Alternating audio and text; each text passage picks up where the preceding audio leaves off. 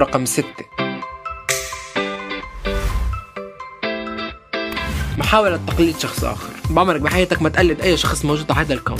ما تقلد ولا أي حدا موجود بهذا الكون. لا أحد يستحق التقليد. اسمع مني. ولا أي شخص يستحق التقليد غير نفسك. كن أنت. كن أنت. أنت فقط. بحركاتك طريقة كلامك بأفكارك بشجاعتك بخوفك بقوتك بجبروتك بضعفك. كون أنت فقط. لا تقلد ولا أي حدا. رقم سبعة مقارنة نفسك بالآخرين. نصيحة ما تقارن نفسك بأي شخص آخر. يعني أخيك ابن خالتك بنت خالك ابن الجيران شخص مسافر شخص مشهور شخص معه مصاري أي شخص. وأكيد لما تتقبل أي شيء موجود في حياتك حتحس بالفرح بالأمل بالإحساس الحلو وبالمثالية. نمبر 8 العيش بمثالية. زي ما قلت لكم أول حلقة إنه العيش بمثالية هو وهم. وهم ما في شيء اسمه مثالية وما في شيء اسمه كمال. بهذا الكون ما في شيء اسمه كمال وما في شيء اسمه مثالية. مش في مثل بيقول لك ما في شيء بيكمل يعني ما في شيء يؤدي إلى الكمال ما في شيء يؤدي إلى المثالية. يعني بعمرك ما راح تلاقي شخص فيه كل مواصفات الكون.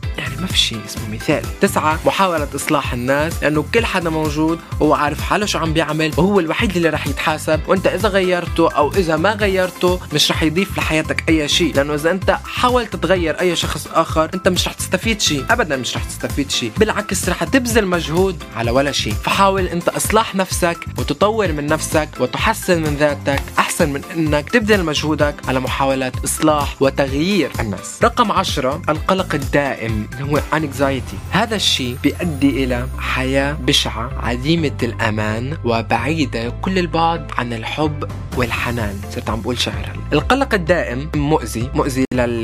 للروح كثير مؤذي لأنه بخليك متوتر متشائم سلبي سوداوي وغير متطلع إلى الحياة. يعني كل عمرك بتقضيه بس الآن الآن الآن. طب ليه؟ لماذا؟ أضع كلمة لماذا؟ لماذا القلق؟ طبعا أنا عم بحكي بس الحكي مش مثل الفعل. اي نو إنه الحكي مش مثل الفعل ولما بتقلق حضرتك إنه ما فيك توقف هذا الشيء بس شوي شوي تقدر إنك تغير القلق. القلق هو يعني إنك تقلق من أي شيء. يعني لنقول جيت بدك تدرس هلأ لأنه دراسه كله اونلاين فعم تفتح الإيميل تبعك وما فتح معك الإيميل. وما كانش يفتح هالإيميل. أول شيء رح تقلق. صح ولا لا؟ تاني شيء رح تتشائم، ثالث شيء رح تفكر بطريقة إنك تحله، هدول الأشياء الطبيعية اللي أي إنسان بينحط بهيك موقف ممكن إنه يفكر فيها بذات الوقت، يعني أول شيء رح يقلق، ثاني شيء رح يفكر بطريقة سلبية وإنه يعطي نتيجة سلبية إنه مثلا أنا نسيت ال password، ال password مش عم بيفتح، حدا سرق لي هو، آه ما بعرف شو صار، يعني قلق قلق قلق وأفكار سوداوية سلبية، وثالث شيء رح تحاول إنك تظبط، طبعا بعد القلق واجتياز مرحلة السلبية، لما يفتح معك الإيميل وت... وتتأكد إنك أنت فاتح على لنقول إذا أنت عم تفتحه على اللابتوب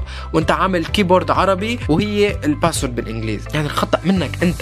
يعني أنت ما تأكدت. يعني هو ما في شيء ابدا ابدا ابدا يؤدي إلى القلق. بس أنت قلقت وفكرت بطريقة سلبية وحاولت إنك تحله. بس لما حاولت إنك تحله لقيت الطريقة ولقيت الحل. إنك ما عملت check على إنه ال keyboard عربي مش إنجليزي. فهذا الشيء مثال صغير على الكون الكبير. يعني لما بتنحط بأي موقف حاول إنك ما تقلق. خلي الحياة تمشي وتسير وحدها ولا تفكر بأي شيء يعكر مزاجك. بشكركم جدا على الاستماع. I love you عن جد. I love you كلكم.